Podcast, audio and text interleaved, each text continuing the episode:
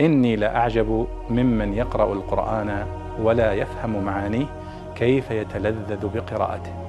كيف يتلذذ بقراءته. سائل يسأل عن قوله تعالى وغدوا على حرد قادرين في قصة أصحاب البستان الذين آه، قرروا أن يمنعوا الفقراء من من ثمار مزرعتهم. فالله يقول أنهم غدوا وأصبحوا في الصباح الباكر على هذه المزرعة قال وغدوا على حرد قادرين. على حرد معناها قصد وإصرار وغضب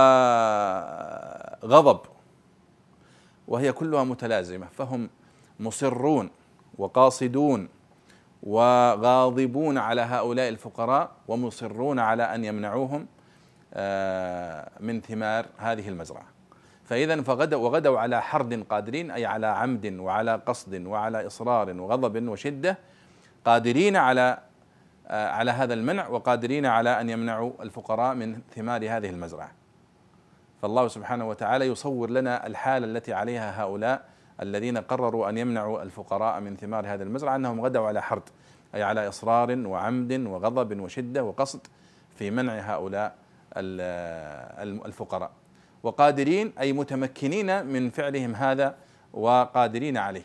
ثم الله سبحانه وتعالى ذكر لنا بعد ذلك أنه آه، آه، طاف عليها طائف من ربك وهم نائمون فأصبحت كالصريم آه، وكان من قصتهم ما تعلمونه.